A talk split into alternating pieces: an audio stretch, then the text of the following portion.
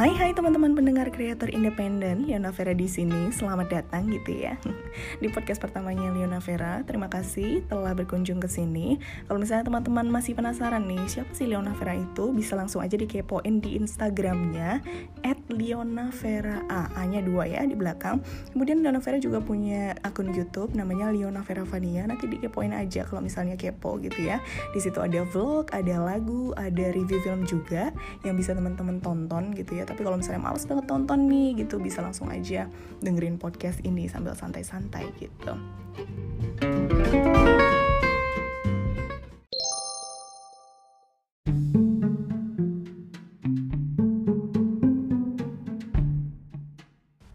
Sebelum mendengarkan review ini, perlu teman-teman ketahui bahwa di review ini dan review-review berikutnya akan ada spoiler, teman-teman. Ya, betul, akan ada spoiler. Jadi buat teman-teman yang ah sebel banget nih ada spoiler ya, padahal aku kan belum nonton gitu ya.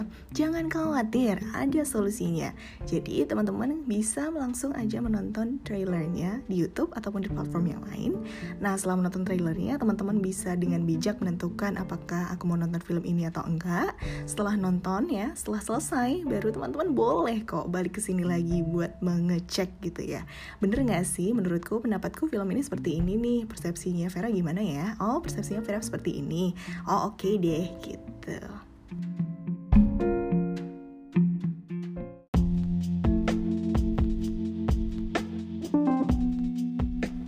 Secara singkatnya, The Last Kingdom ini menceritakan tentang sejarah terbentuknya kerajaan Inggris, begitu teman-teman. Jadi di sini akan banyak sekali peperangan, banyak sekali kakak adik gitu ya, yang saling berebut kekuasaan, berebut tahta gitu kan ya.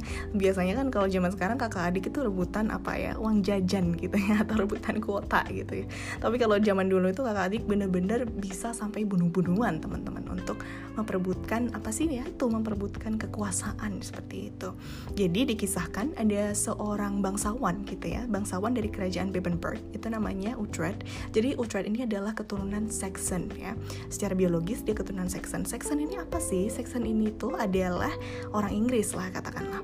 Nah, pada saat itu Saxon itu sedang bermusuhan ya dan sedang berperang dengan orang Denmark atau orang Danes gitu ya bahasa kerennya. Nah, orang Saxon dan orang Denmark ini berperang sehingga ini seluruh ini ya seisi kerajaan-kerajaan yang ada di Inggris yang sekarang disebutnya Inggris itu semuanya itu chaos gitu teman-teman. Jadi nggak ada tuh yang namanya orang tetanggaan terus saling menyapa gitu. Apa apa kabar bro? Gitu ya. Apa ini udah makan belum? Dan kawan-kawannya itu nggak ada gitu ya. Jadi ketegangan itu sangat terasa sekali bahkan di dalam dan maupun di luar kerajaan gitu ya si Utrecht ini pada masa kecilnya gitu ya, karena dia dijanjikan sebagai putra mahkotanya gitu ya dari raja ben kerajaan Bebenberg gitu ya. Um, si Utrecht ini tuh tiba-tiba nggak tahu kenapa gitu ya dihilangkan begitu saja gitu ya seolah-olah seperti ada satu oknum eh satu oknum ada satu pihak gitu ya satu pihak yang tidak menginginkan kehadiran Utrecht. Siapakah dia? Ya itu adalah pamannya dia namanya paman Elfrich jadi si paman Elfrich ini menyingkirkan Utrecht lah kasarannya. Agar apa sih? Agar dia bisa menjadi Lord of Bebenberg gitu ya. Agar dia bisa jadi penguasa di Bebenbergnya itu. Nah kemudian si Utrecht ini itu karena dia dibuang gitu kan ya. Entah bagaimana perjalanan hidupnya Utrecht terus tiba-tiba dia ditemukan oleh ketua dari kaum Danes gitu namanya Ragnar. Jadi si Ragnar ini itu mengangkat dia sebagai anak dan kemudian Utrecht ini dibesarkan ya dibesarkan secara ini secara Danes gitu ya. Jadi budayanya pembiasaannya itu dia Danes banget gitu daripada Saxon gitu ya. Padahal secara darah gitu ya padahal secara keturunan dia adalah orang Saxon.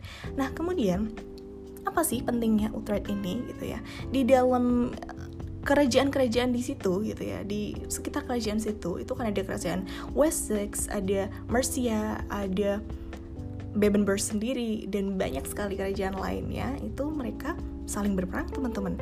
Ada yang sudah bersekutu gitu ya. Ada juga yang masih berperang gitu.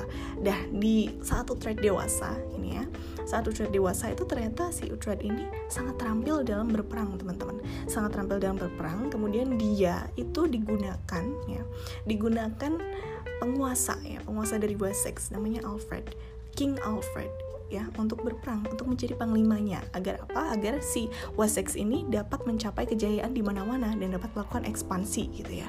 Dapat menguasai lebih banyak lagi wilayah agar bisa didirikan kerajaan yang apa ya sesuai dengan keinginannya King Alfred tentu saja. Dan King Alfred ini yang bagus adalah dia ini adalah raja yang pertama kali memimpikan Inggris teman-teman. Jadi aku ingin semua kerajaan itu bersatu membentuk Inggris ya. Unite unite gitu ya pokoknya. Ya begitulah.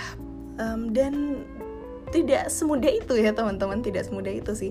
Utrecht itu sebenarnya ya kan kecilnya itu dia dirampas ya haknya oleh pamannya. Jadi satu tujuan hidupnya dia adalah mengambil kembali Bebenberg gitu ya. Jadi dia ingin menjadi penguasa Bebenberg bagaimanapun caranya, tetapi ternyata takdir itu gitu ya. Destiny itu berkata lain gitu. Berkata lain kenapa? Karena si Utrecht ini harus berpetualang ke sana kemari gitu ya melayani Raja Alfred dan melayani penguasa-penguasa di kerajaan-kerajaan di situ gitu ya, di daerah situ. Itu dan dia itu apa ya seperti karena memang dia krisis identitas ya dia mengalami krisis identitas ya.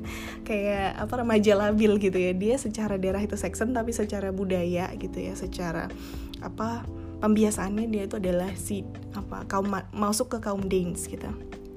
Nah dia itu disalahkan di mana-mana gitu ya. Yang katanya dia dianggap penyembah berhala lah oleh orang Saxon gitu ya. jadi dia dibenci oleh orang Saxon gitu ya. Tapi dia juga dianggap sama kaum kaum Dames itu adalah pengkhianat. Karena kenapa? Kamu kok setianya malah sama orang-orang Saxon sama King Alfred misalnya kayak gitu ya begitulah. Jadi si Utrecht ini serba salah gitu ya. Mau ke orang-orang Saxon dinilai pengkhianat sama Danes gitu ya. Mau ke orang-orang Danes tapi tentu saja gitu ya sama orang-orang Saxon pasti dianggap wah lu ini ini apa nggak bisa nih. Maksudnya katanya kamu mau merebut Bebenberg gitu ya. Makanya kamu harus bekerja sama sama orang-orang Saxon gitu ya karena Bebenberg itu adalah kerajaannya orang-orang Saxon gitu. Sebenarnya kamu orang mana sih Utrecht gitu. Nah itu yang dari awal sampai akhir menjadi pertanyaan aku gitu ya. Dan memang ya di, di awal disebutkan tujuan utamanya dia adalah merebut kembali Bebenberg dan sampai sekarang pun sampai season 4 dia belum bisa merebut Bebenberg teman-teman. Ya. Ya begitulah ya seorang Utrecht gitu ya. Itu adalah perjalanan dari Utrecht Ragnarsson atau Utrecht of Bebenberg yang sampai sekarang juga belum sempet apa ya belum sempet tercapai di keinginannya tapi ya udahlah ya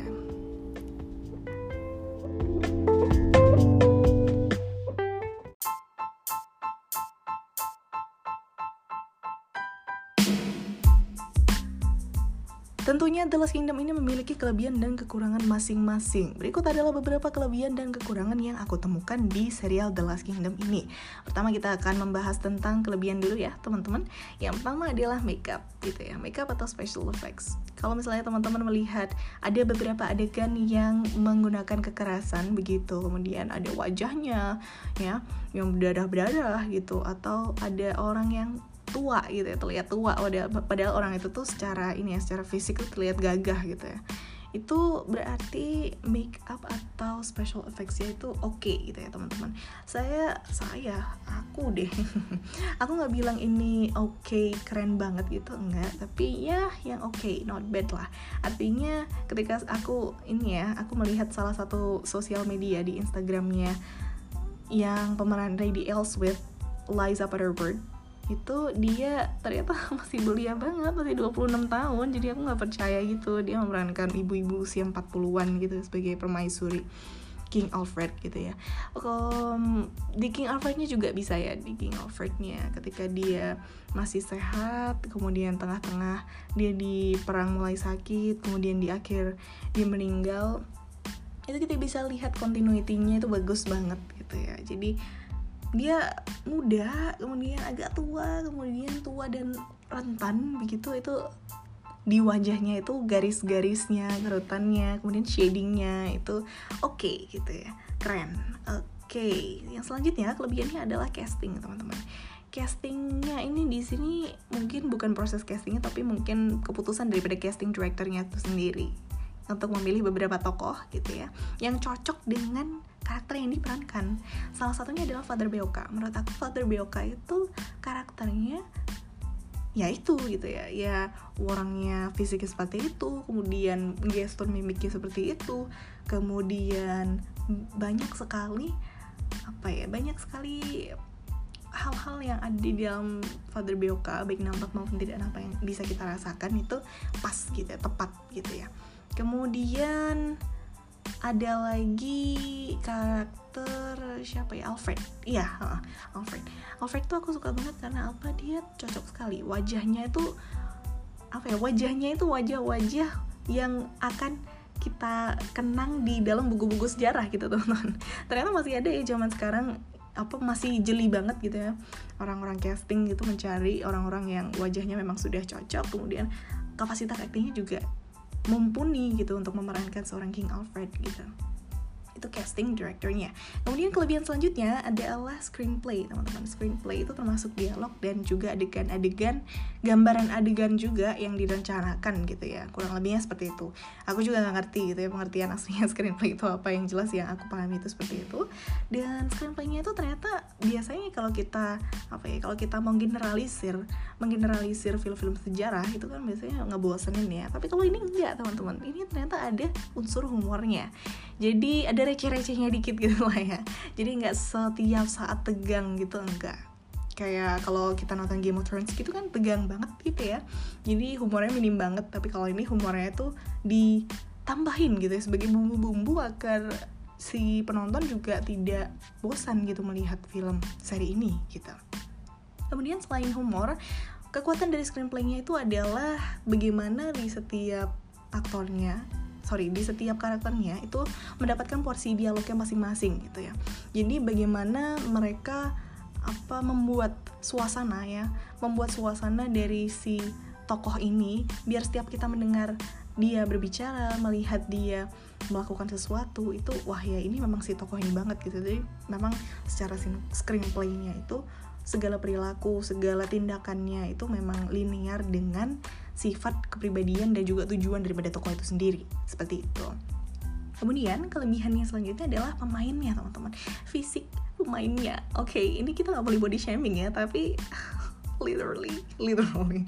Tapi jujur ya ini pemain-pemainnya tuh ganteng-ganteng dan cantik-cantik. Nggak percaya?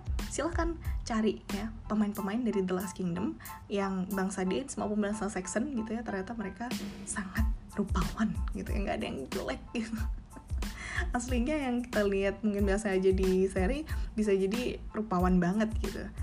Itu itu aku nggak tahu sih itu kelebihan atau emang itu suatu hak istimewa penonton untuk menilai. Kemudian yang selanjutnya kelebihannya adalah pendalaman aktornya lumayan lah ya. Pendalaman aktornya biasanya kalau misalnya sekelas ini ya sekelas acara-acara TV gitu ya katakanlah. Yang nggak yang nggak acara FTV juga tapi maksudnya secara sekelas acara TV yang di apa ya disalurkan ke Netflix itu harusnya dia lumayan apa lumayan oke okay lah. Paling nggak nggak malu-maluin lah. Tapi di The Last Kingdom ini nggak terlalu oke okay banget. Tapi rata lah semuanya rata. Nggak ada yang terlalu menonjol nggak ada yang terlalu apa ya nggak ada yang terlalu kayak dikalahkan oleh karakter yang lain gitu. Pendalamannya masing-masing paham gitu ya. Pemain masing-masing selalu paham apa sih sebenarnya latar belakang daripada dia berkata seperti itu gitu ya. Jadi nggak kayak yang aku cinta kamu gitu. Aku cinta kamu sambil mukanya apa datar-datar banget gitu. Terus matanya kosong pandangannya terus apa gerakannya gitu-gitu aja blockingnya nggak bagus gitu. Nggak gitu ya. Jadi ini nggak kayak FTV tenang teman-teman.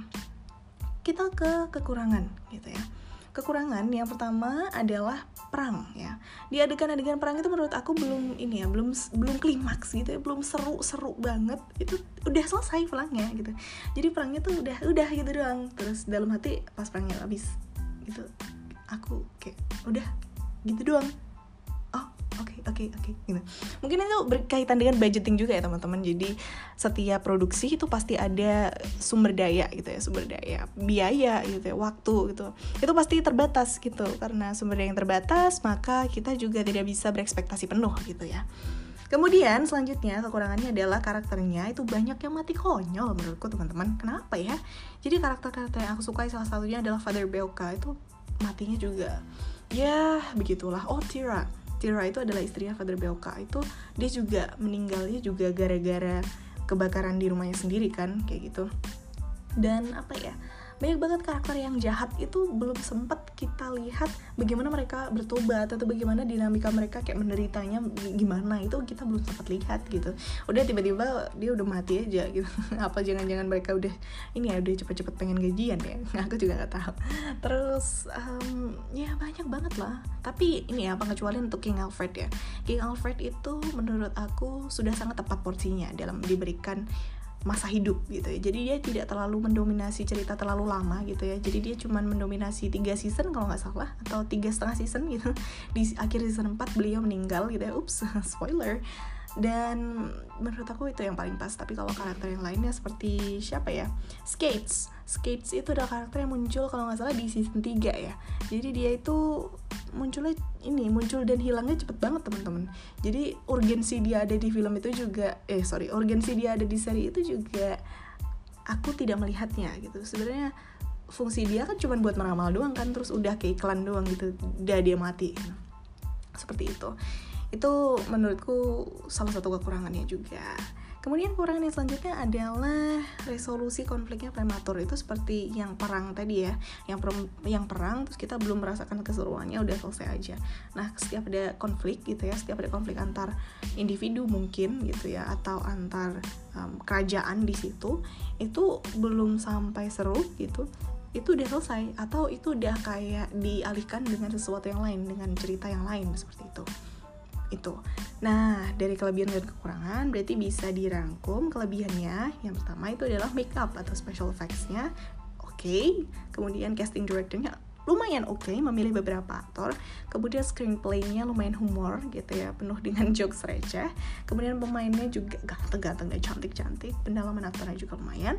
Kekurangannya adalah perang, perang gitu ya untuk perang belum klimaks itu sudah selesai. Kemudian karakternya banyak yang mati konyol resolusi konfliknya itu prematur ya. Itu. Kemudian untuk nilai nah ini kan yang paling teman-teman tungguin untuk The Last Kingdom ini akan aku beri drum roll.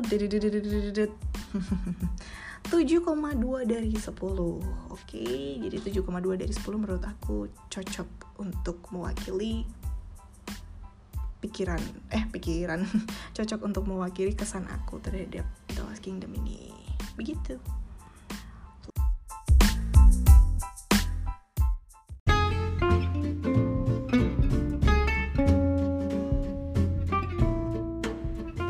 tadi review serial The Last Kingdom dari Neo Novera untuk membuka kesempatan podcast pertama ini. Kalau misalnya banyak kata-kata yang diulang seperti kata gitu ya, gitu tolong teman-teman ini mohon maaf ya, mohon dimaklumi karena ini adalah kali pertama gitu. Karena aku juga bukan berasal dari background apa broadcasting. Tapi ya begitulah Oh iya, kalau misalnya teman-teman mau menghitung berapa banyak kata gitu ya diucapkan oleh aku, bisa langsung aja DM ya di Instagram. um, begitu saja. Terima kasih atas perhatian teman-teman mendengarkan sampai saat ini. Selamat beraktivitas dan tentu saja stay safe. Jangan keluar kalau misalnya tidak penting-penting banget dan jangan mudik tentunya. Tahan-tahan dulu deh keinginan untuk bertemu dengan keluarga. Kalau misalnya teman-teman ingin tetap menjaga kesehatan diri sendiri dan menjaga kesehatan keluarga di rumah. Begitu selamat berkegiatan dan selamat pagi siang malam sore. Selamat beristirahat selamat beraktivitas. Bye bye